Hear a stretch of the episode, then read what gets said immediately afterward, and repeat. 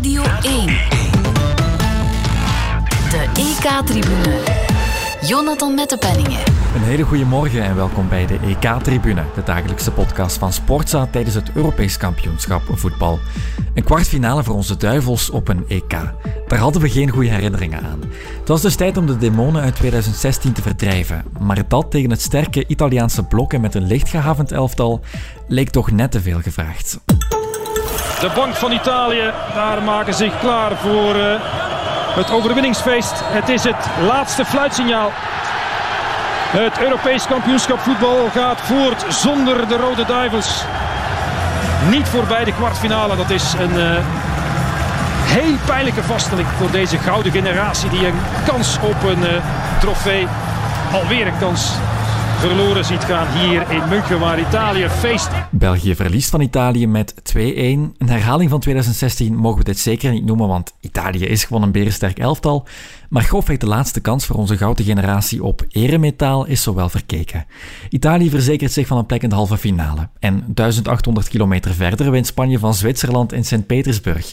Ik heb het erover met Eddy Snelders en Eddy Demares. Eddy en Eddy, dag mannen. Dag Jonathan. Hallo. Eddie Snelders, jij zit nog op je commentaarpositie in de Allianz Arena. Het zit erop voor de Duivels na een laatste dans tegen een uitzinnig Italië op sterkte gepakt in wat een 100 km per uur wedstrijd was. Het is geen schande, maar er zat wel meer in. Ja, het blijft natuurlijk toch ontgoochelend. Hè, want je rekent met deze generatie, gezien de standing die ze hebben gecreëerd de laatste jaren, reken je eigenlijk toch wel op meer. En dit was de ultieme, of een van de laatste mogelijkheden om nog iets te oogsten met deze generatie. En dan mag je eigenlijk niet tevreden zijn met een eliminatie in de kwartfinale, ook al is het tegen Italië. En ook al zat je misschien aan in de moeilijkste speelhelft van het programma, dan moet je gewoon eigenlijk verder kunnen gaan. Maar hetgeen dat de Belgen tegen Portugal mee hadden, namelijk een goed blok en een voorsprong kunnen bewaren. Ja, dat was nu net aan de kant van de Italiaan dat dat mee zat. En zo gebeurt dat nu helemaal. Je hebt nu het momentum niet kunnen pakken, hetgeen dat je misschien tegen Portugal wel hebt gekregen. Mm -hmm. Die de Mares gaat, gaat telkens met de achternaam moeten doen. Maar jij hebt uh, de wedstrijd bekeken van op hotel of van, van wat was het, een, een restaurant tussen de, tussen de Russen, had je gezegd. Want jij gaf dus commentaar in Sint-Petersburg bij Spanje, Zwitserland. Dus die wedstrijd was al een beetje uitgelopen en daardoor moest je daar gaan kijken. Leg het misschien nog eens uit. Ja, dus die wedstrijd was eigenlijk pas gedaan. Tien minuten voor de aftrap van uh, Italië-België in München. Dus toen zaten wij nog in het stadion. Dat is een immens groot stadion. Uh, die zal dat wel kunnen ja, beamen. Dus ja. eer je daar buiten bent, eer je in het hotel bent, ook al ligt dat vlak naast het stadion, dat kost makkelijk een kwartier. Ja. Dus de eerste tien minuten, die afgekeurde goal van Italië, die hebben wij dus niet meegekregen. Nee. Ik zat hier met Thierry Luters, collega van RTBR. Hebben we tussen de Russen naar de, naar de match van uh, de Belgen gekeken. De helft van de Russen waren voor Italië, de andere helft voor België. Dat is een beetje raar. Ah, En ze willen dan praten, maar je verstaat er geen woord. dus het is een beetje, voilà. beetje bizar. Ja, denk het. Uh, ja, we hebben dus ook wel kunnen zien in de tweede helft, als je twee grote kansen krijgt op dit niveau, Mhm. mm-hmm. moet je er minstens één afmaken. En dan, en dan doe je mee, dan heb je minstens verlengingen. En dat zat er echt wel in dat dat echt wel moet gebeuren, mm-hmm. lijkt mij. Mm-hmm. Eddie, andere Eddie. Ja, ja, Eddy, ik vond wel dat je daarin gelijk hebt. Uh, het is zo dat uh, in de tweede helft zijn er twee mogelijkheden geweest. Dus twee keer dat de positionering niet goed was. Eerst gaat Lukaku wat pech dat hij zelf voorbij die tweede paal schoof bij de eerste aanname, waardoor hij niet meer kon reageren voor een herkansing. In de tweede keer was hij en zowel Torgan Hazard iets te ver in positie. Ja, dat zijn momenten die gebeuren natuurlijk, maar je moet eerst dan nadenken, hoe komt het? Je gaat eerst wel 2-0 achterkomen. En het was op dat moment ook vriend, want de Italiaan die maakte daar twee heel mooie doelpunten. Het was verdediging, het op dat moment bij de Belgen was het niet goed. En dan kom je eigenlijk met één moment, namelijk met die actie van Doken, kom je terug in de wedstrijd en heb je terug op voor aansluiting. En dan val je in de tweede helft op een Italië. Ja, ik dacht dat dat niet meer bestond, die nieuwe generatie. Maar het, dat zit toch in die, in die genen van die Italianen. Die staan voor, die willen dat consolideren. Die beginnen de Commedia dell'arte, die kruipen toch met allemaal terug. Terwijl dat ze normaal in heel deze campagne nog niet gedaan hebben. Maar ze kruipen terug, want ze worden gewaar. Ja, het is de enige mogelijkheid om te overleven. En heb je dat net niet mee. En dat is spijtig, maar ja, dat hoort er in principe natuurlijk wel bij in een competitie zoals een WK en een EK, dat je die momenten wel kunt grijpen, want anders kan je nooit niet in de eindfase geraken. Voilà. Ja, de laatste, laatste kwartier is eigenlijk niet meer gevoetbald. Hè. Werd, ze bleven voortdurend liggen, ook al was er maar een vederlicht contact. En voetballen was gewoon Ja, niet nee, nee, ik dacht dat die vorige generatie, dat waren irritante Italianen. Maar die ook alleen maar vooral verdergden en uit de fouten Maar Chiellini en Bonucci lopen er nog tussen. Hè. Die geven dat door. Hè. Nog altijd. Die geven dat door. Diegenen worden doorgegeven en iedereen begint te vallen, begint te, te, te, te gesticuleren, begint op de grond te zitten. Dat, ja, dat werkt irritant en dan, zo kan je ook geen aanvallen. Maar ja, je, je, bent, je staat wel achter. Sta je voor, doen ze het niet. Hè? Maar ja, je staat achter, dus ja, je moet een inhaalbeweging maken. En je kan dat op dat moment op die manier niet doen, gewoon omdat ze daar te, ja, te negatief voor zijn. Dat is spijtig. Dat wordt allemaal vanaf morgen of straks is dat vergeten. Alleen de uitslag blijft staan. En vooral, en vooral je, je, heel je, je generatie wordt opnieuw. Er er rust nu een hypotheek op. Hè? Want ALBL is, hebben ze niet bereikt waar dat ze eigenlijk voor stonden. En dat is eigenlijk de, de, de moeilijkste conclusie van heel die generatie van 2012 tot nu. Dat je eigenlijk het feit dat je heel veel talent hebt, je hebt jaren nummer 1 gestaan, maar je hebt nooit geen, niet fatsoenlijk meegedaan voor een grote prijs. Misschien 2018 nog wel een beetje, maar je verwacht meer nu. En dat is niet van gekomen. En dat is, dat is ontgoochelend, sowieso. Absoluut. Moeten we dan nu toch ook weer spreken van de net niet-generatie? Kunnen we zo ver gaan? Ja, het, het wordt, ja, tenzij dat je zegt van goed, een derde plaats op een WK, dat haal je niet altijd. Dat is het hoogste wat we ooit bereikt hebben. Hè, we, hebben nog eens, eh, we hebben nog eens gestunt in Mexico in 86, maar daar hebben we net de vierde plaats gehaald. Dat was al een, een, een echte goede stunt. Dit was meer, maar deze generatie die hield ook kwalitatief meer in. Als je ziet waar al deze spelers, deze Belgische spelers, vertoefden en vertoeven in, clubs, dan verwacht je dat ook wel. Ja, dan verwacht je misschien wel opnieuw, je kan nog eens een finale verliezen. Dan zeg ik, oké, net niet. Maar nu de kwartfinale, dat is toch wel vroeg. Hè? Laten we... En we mogen niet vergeten, als we heel de campagne nu nemen, we hebben weinig goede wedstrijden gespeeld. Hebben tegen de Denen hadden we moeten verliezen, dat is niet gebeurd. De andere twee wedstrijden dat waren warming-up wedstrijden. Tegen de Portugezen zaten we in de situatie zoals we nu zelf zaten. Als ze gelijk maken, kunnen ze erover gaan. Dus dat was ook niet een uitgesproken overwinning. En nu ja, nu verlies je. Dus je kan niet terugblikken op een, op een schitterend WK. Je hebt altijd gezegd, ja maar we zijn zuinig. We zijn eh, heel efficiënt en heel zuinig. We, we maken onze kans. Ja, ja, en nu is het nodig en nu doe je het wel niet. En dat is natuurlijk een pijnlijke vaststelling. Naar mijn mening, tegen Portugal, als ze die match tien keer spelen, gaan ze hem zeven keer verliezen. Dat zou kunnen. Misschien dat de scenario's dan anders zijn, want nu kom je elke keer wel een doelpunt voor en je doet dan wel hetzelfde. Kijk, toen was Court- Courtois, heeft geen extreme redding moeten doen, maar heeft wel dat gedaan wat hij moest doen. Deze keer waren het twee onhoudbare ballen, dat moeten we eerlijk toegeven. Maar in de wedstrijd tegen Portugal was er één bal die hij niet kon pakken en dat was paal buiten. Is dat paal binnen, ja, dan zitten we misschien zelfs niet in München. Hè. Dus dan, en dat vergeten we dan, want dan tegen de Denen staan, winnen we met 2-1 op één goed kwartier in de tweede helft. De inbreng van de Bruin Nazar. Nu doen we precies of de inbreng van de Bruin Nazar en Witzel. Dat heeft, ons, dat heeft de Denen weggespeeld. Nee, want de laatste 20 minuten tegen de Denen kon je ook nog een doelpunt krijgen en kon je zelfs de wedstrijd.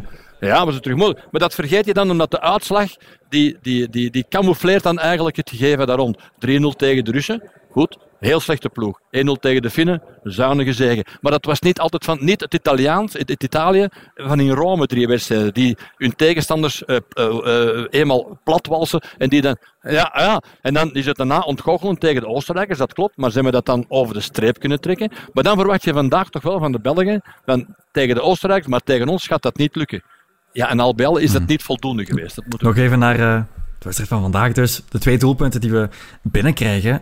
Ehm, mooie doelpunten, je zegt het ook, maar waar onze verdediging toch wat meer had kunnen doen. En Antonio Conte, de, de vorige bondscoach van Italië, die zei het ook in een opiniestuk in La Gazzetta dello Sport, ehm, dat de manier waarop wij druk zetten en verdedigden tegen Portugal, ja, dat dat hier niet ging pakken. Nee, maar is dat, dat- ook zo gebleken? Het was een beetje een lucky verdediging tegen Portugal. Het was gewoon het momentum dat de Portugezen zelf niet genomen hebben. Hier laat je twee doelpunten gaan. Drie mensen rond de bal bij de eerste doelpunt. Niemand reageert, draait zich goed vrij en dan maakt hij het mooi af. Maar het moment dat hij zich vrij draait, dan moet druk zijn. Het tweede doelpunt, Telemans laat zich daar uitschakelen. Goed, dat al een gele kaart. Maar die drie verdedigers, ja, die kruipen allemaal in de 16 meter. En die komen maar eerst eruit op het moment dat eigenlijk Insigne al de bal goed heeft gelegd. En dat was niet de eerste keer dat die dreiging van Insigne van de rechtse kant kwam. Dus er waren weinig tegenmiddelen tegen. Ja, dan krijg je ze toch om de oren, sowieso. En dan heb je alleen maar één geluk moet ik zeggen, dat is goed afgedwongen. Dat Doku daar in die hoek, die penalty, want anders sta je met 2-0 achter half weg, dan wordt het helemaal moeilijk. Nu heb je nog die, die strohalm zeggen, ah, maar wacht even, hè, we kunnen nog terugkomen, want de achterstand is eigenlijk toch nog redelijk beperkt.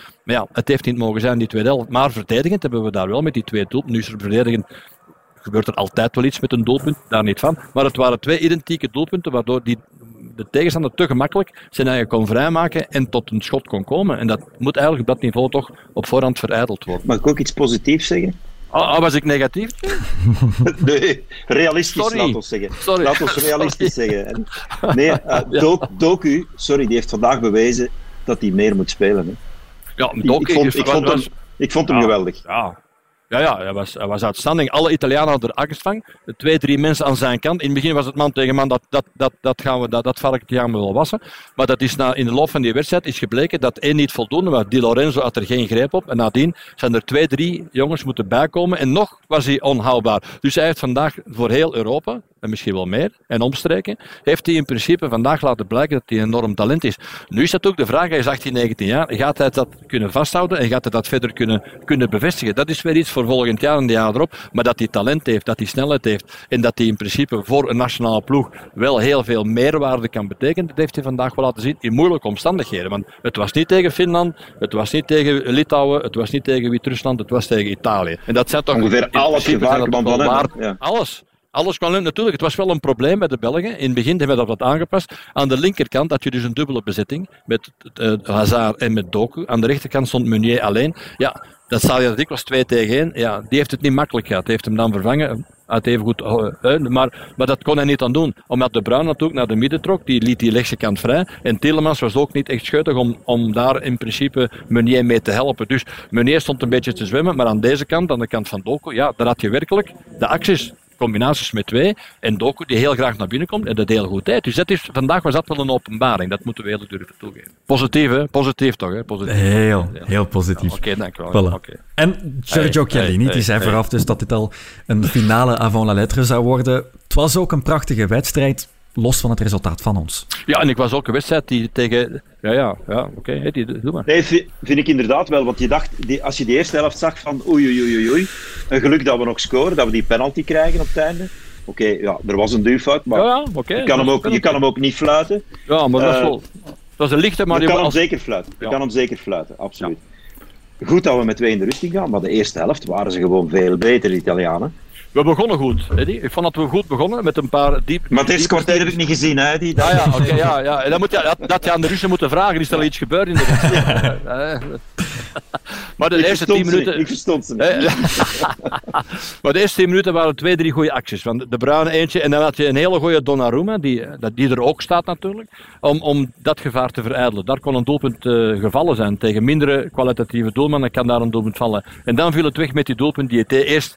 De, de waarschuwing met buitenspel, dat was al een makkelijk doelpunt, maar goed, oké, dat werd weggeveegd met dat buitenspel eh, ge- gegeven. Maar dan kreeg je wel die twee doelpunten makkelijk tegen. En dan sta je daar tegen Italië met na een half uur of 35 minuten 2-0 achter. Ja, dat scenario was ook niet ingecalculeerd volgens mij.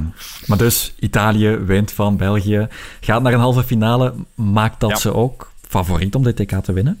We hebben ze allemaal, denk ik, zowel dan andere reporters eh, hebben Italië al de ganse tijd naar voren geschoven. Er zijn er een paar andere geweest die nu zijn weggevallen. Eh, Frankrijk bijvoorbeeld, die waren ook heel eh, grote kandidaat, maar Italië is er altijd bij geweest. Niet van in het begin, maar wel zeker na de, de eerste wedstrijden op het EK zelf. Maar je dacht van, hé, hey, daar is veel beweging in, diepgang in, eh, technisch vernuft in. Dus die ploeg die heeft toch wel eh, heel wat te bieden. Eh, Oké, het waren drie thuiswedstrijden, maar dan denk je op een moment, hm, tegen Oostenrijk, hm, het was toch wel wat minder. Misschien dan toch nog niet helemaal, maar wie ga je dan vooruit schuiven? De Engelsen hadden in de voorronde of in de eerste ronde ook niet veel laten zien. Ehm, de Fransen lagen eruit, de Duitsers ook niet, de Portugezen. Ja, op den duur zeg je, ja, wie schiet er nog over? Dus die Italianen zijn altijd wel een van die kandidaten geweest. Misschien niet de nummer één, maar wel een van de kandidaten. Maar er komt dus En nu worden de Denen. Nu worden de Denen nog mee kandidaat. Ja, wel, dat, ik sluit dat niet uit, want als je ze zag Nee. spelen... Oké, Wales, Wales is een van de zwakkere ploegen, absoluut. Eh, Maar Italië, dat wou ik eigenlijk zeggen, in de groepsfase, niet de grootste tegenstand. Eh, ook Zwitserland werd overlopen. Eh, Wales stelde niet veel voor. Turkije was helemaal nergens Ja. op dit EK, dus niet de moeilijkste groep. Tegen, tegen, tegen die fysiek sterke Oostenrijkers zag je ze dan het echt moeilijk hebben. Ja, Maar vooral vandaag, met, die- vandaag tonen ze dan toch weer van ja, Ja. ja. eigenlijk wel. ja, vooral met die Oostenrijkers tegen Nederland niets voorstelden.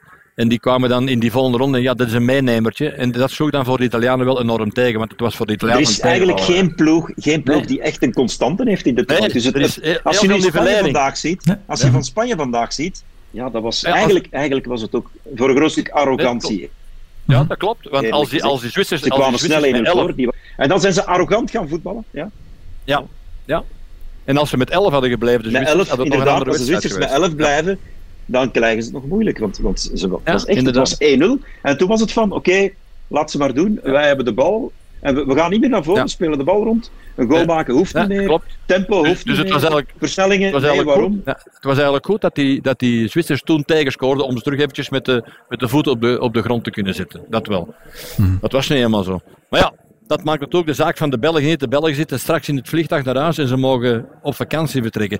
Dat is een scenario dat we ons niet graag, want wij waren allemaal, ze moeten, want wij waren allemaal al, ze moeten op vakantie betrekken. Want het scenario Londen was overal al, al eigenlijk, onder ons gezegd, overal al vastgelegd. Want wij gingen toch naar Londen gaan. Mhm. Want wij hadden toch een ploeg om daar in principe tot de laatste moment mee te spelen. En dat hebben we ook. Alleen hebben we nu het momentum en dat is in een competitie, in een, in een EK of WK altijd. Als je die momentums niet neemt of tegen hebt, ja, dat kan het in een wedstrijd gebeuren. En dat gebeurt dan tegen evenwaardige tegenstanders. Zowel Portugal als ook nu Italië waren evenwaardige tegenstanders. Dat moeten we niet ontkennen. We waren daar niet veel beter.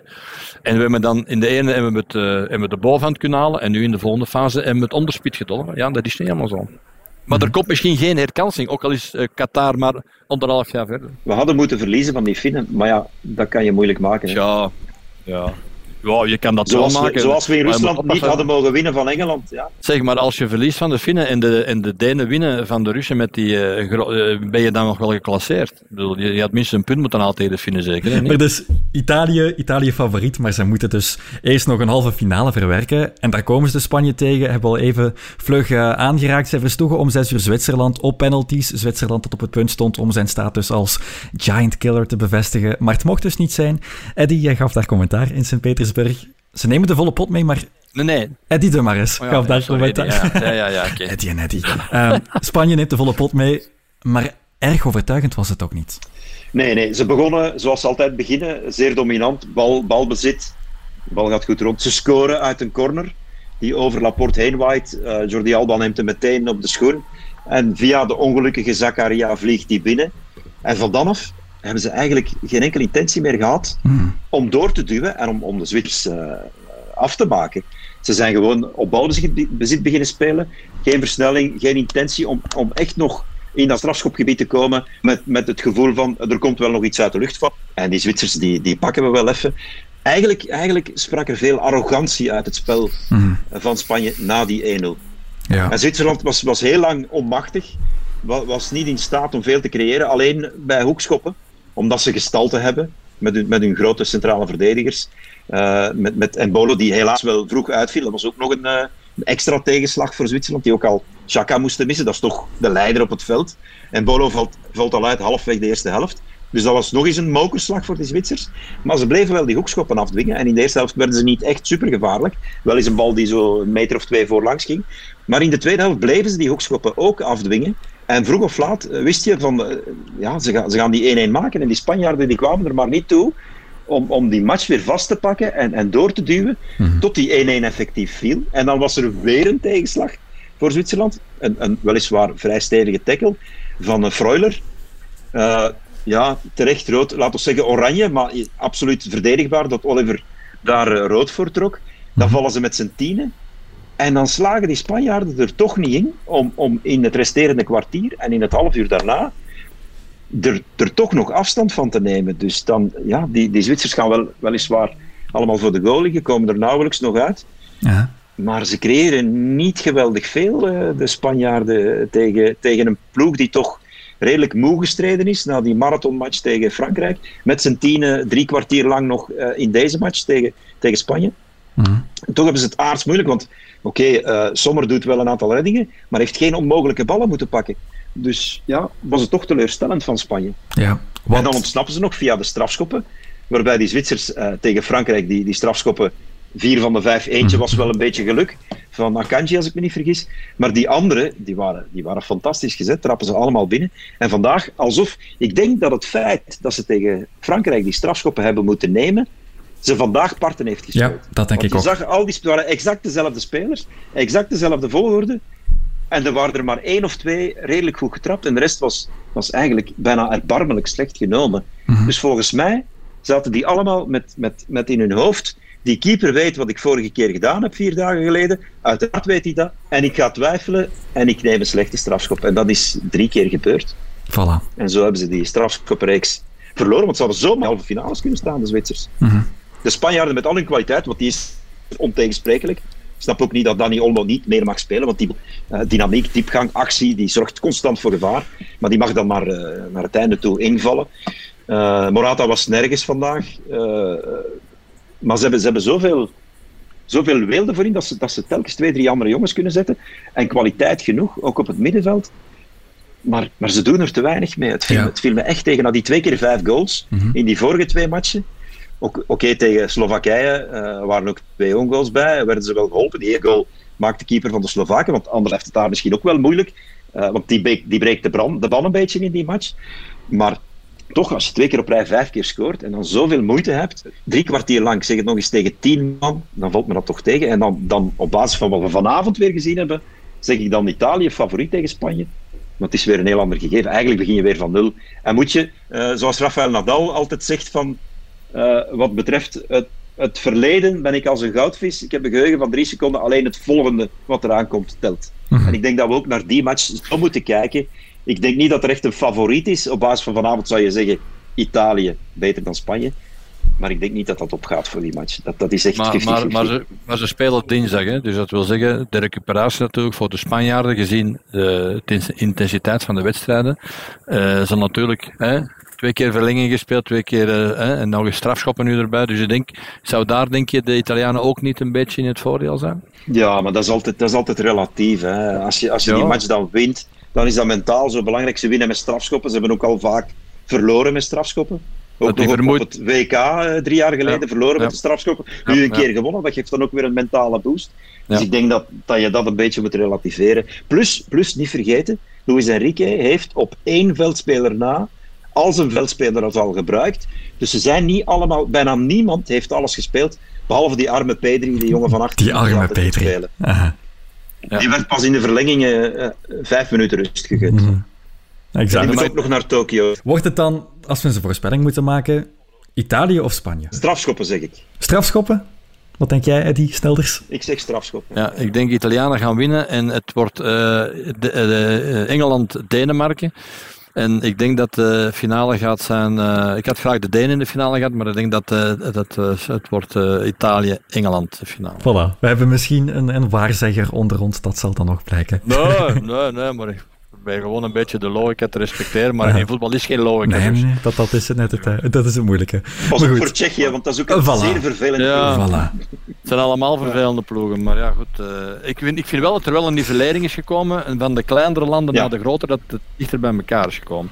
Dus het is uh, niet één verrassing, er zijn verschillende Ook door de omstandigheden, de zware seizoenen enzovoort. Ja, ja, ja. Dus, niet vergeten dus dat, dat bij die kleine ploegen ook veel spelers zitten veel spelers zitten die, die vaak op de bank hebben gezeten, die dus ook veel frisser naar die TK komen, hè, door ja. die kleinere landen. Ja. Mm -hmm. Ja, ja, inderdaad. He, dan heb je toch ook wel wat verrassende uitslagen, verrassende windingen. Dan is de voorspelbaarheid is er wat uit. He, je hebt ploegen zoals Tsjechië, je hebt ploegen zoals Zwitserland, je hebt ploegen um, zelfs Oostenrijk die toch wat lastig hebben gedaan. Ik bedoel, dat is, dus dat maakt het geheel toch, uh, toch, uh, toch aangenaam. Maar ik hoop ook de Denen, want ik vind dat die Denen niet, niet met het geval uh, Eriksen, want dat is, dat, is iets, dat is iets dat een voorval is, een eenmalig voorval. Maar vooral het enthousiasme waar die en tegen de Belgen, en tegen de Russen, en tegen Wales hebben gespeeld, ik vind dat dat meer verdient. Dus ik ben eigenlijk ook wel wat fan van, uh, van de Denen. Met veel talent, aanvallen. Ja, en talent, ook niet vergeten dat die, dat die twee belangrijke spelers moesten missen hè, in de achtste finale. Ja, ja, ook nog, ook nog daarbij. Dus ik vind dat die dat uh, enorm goed hebben gedaan. En uh, daarom hoop ik ook dat die nog iets verder kunnen doorstoten. Voilà. Maar ja, goed. Dat is persoonlijk. Denemarken Europees kampioen, alsjeblieft. Ze zijn, ze, het, ze zijn het al eens geweest, hè, Jonathan, dus het zou geen verrassing meer het zijn. Kan, het kan. Voilà. Toen zaten, ze, toen zaten ze met allemaal in een strandzetel ergens in Mallorca. En dan zijn ze ze allemaal gaan oproepen omdat de Joegoslaven niet meer mochten meedoen. En ze zijn nog Europees kampioen geworden. Dus voilà. alles kan in voetbal. Alles kan. En nu zijn ze iets beter voorbereid, dus het kan zo. Zal wel zijn. Zal zijn. voilà. Niks, niks dus. We houden het daarbij. Het zit erop voor de Belgen. Toch net iets te vroeg, dus we moeten nu voor een ander land gaan supporteren. Misschien wel Italië, of toch gewoon Spanje, of toch gewoon Denemarken. Belangrijke ja. keuzes. Yes. Maar voor nu heel erg bedankt, Eddie de Mares en Eddie Snelders. Doei. Graag gedaan.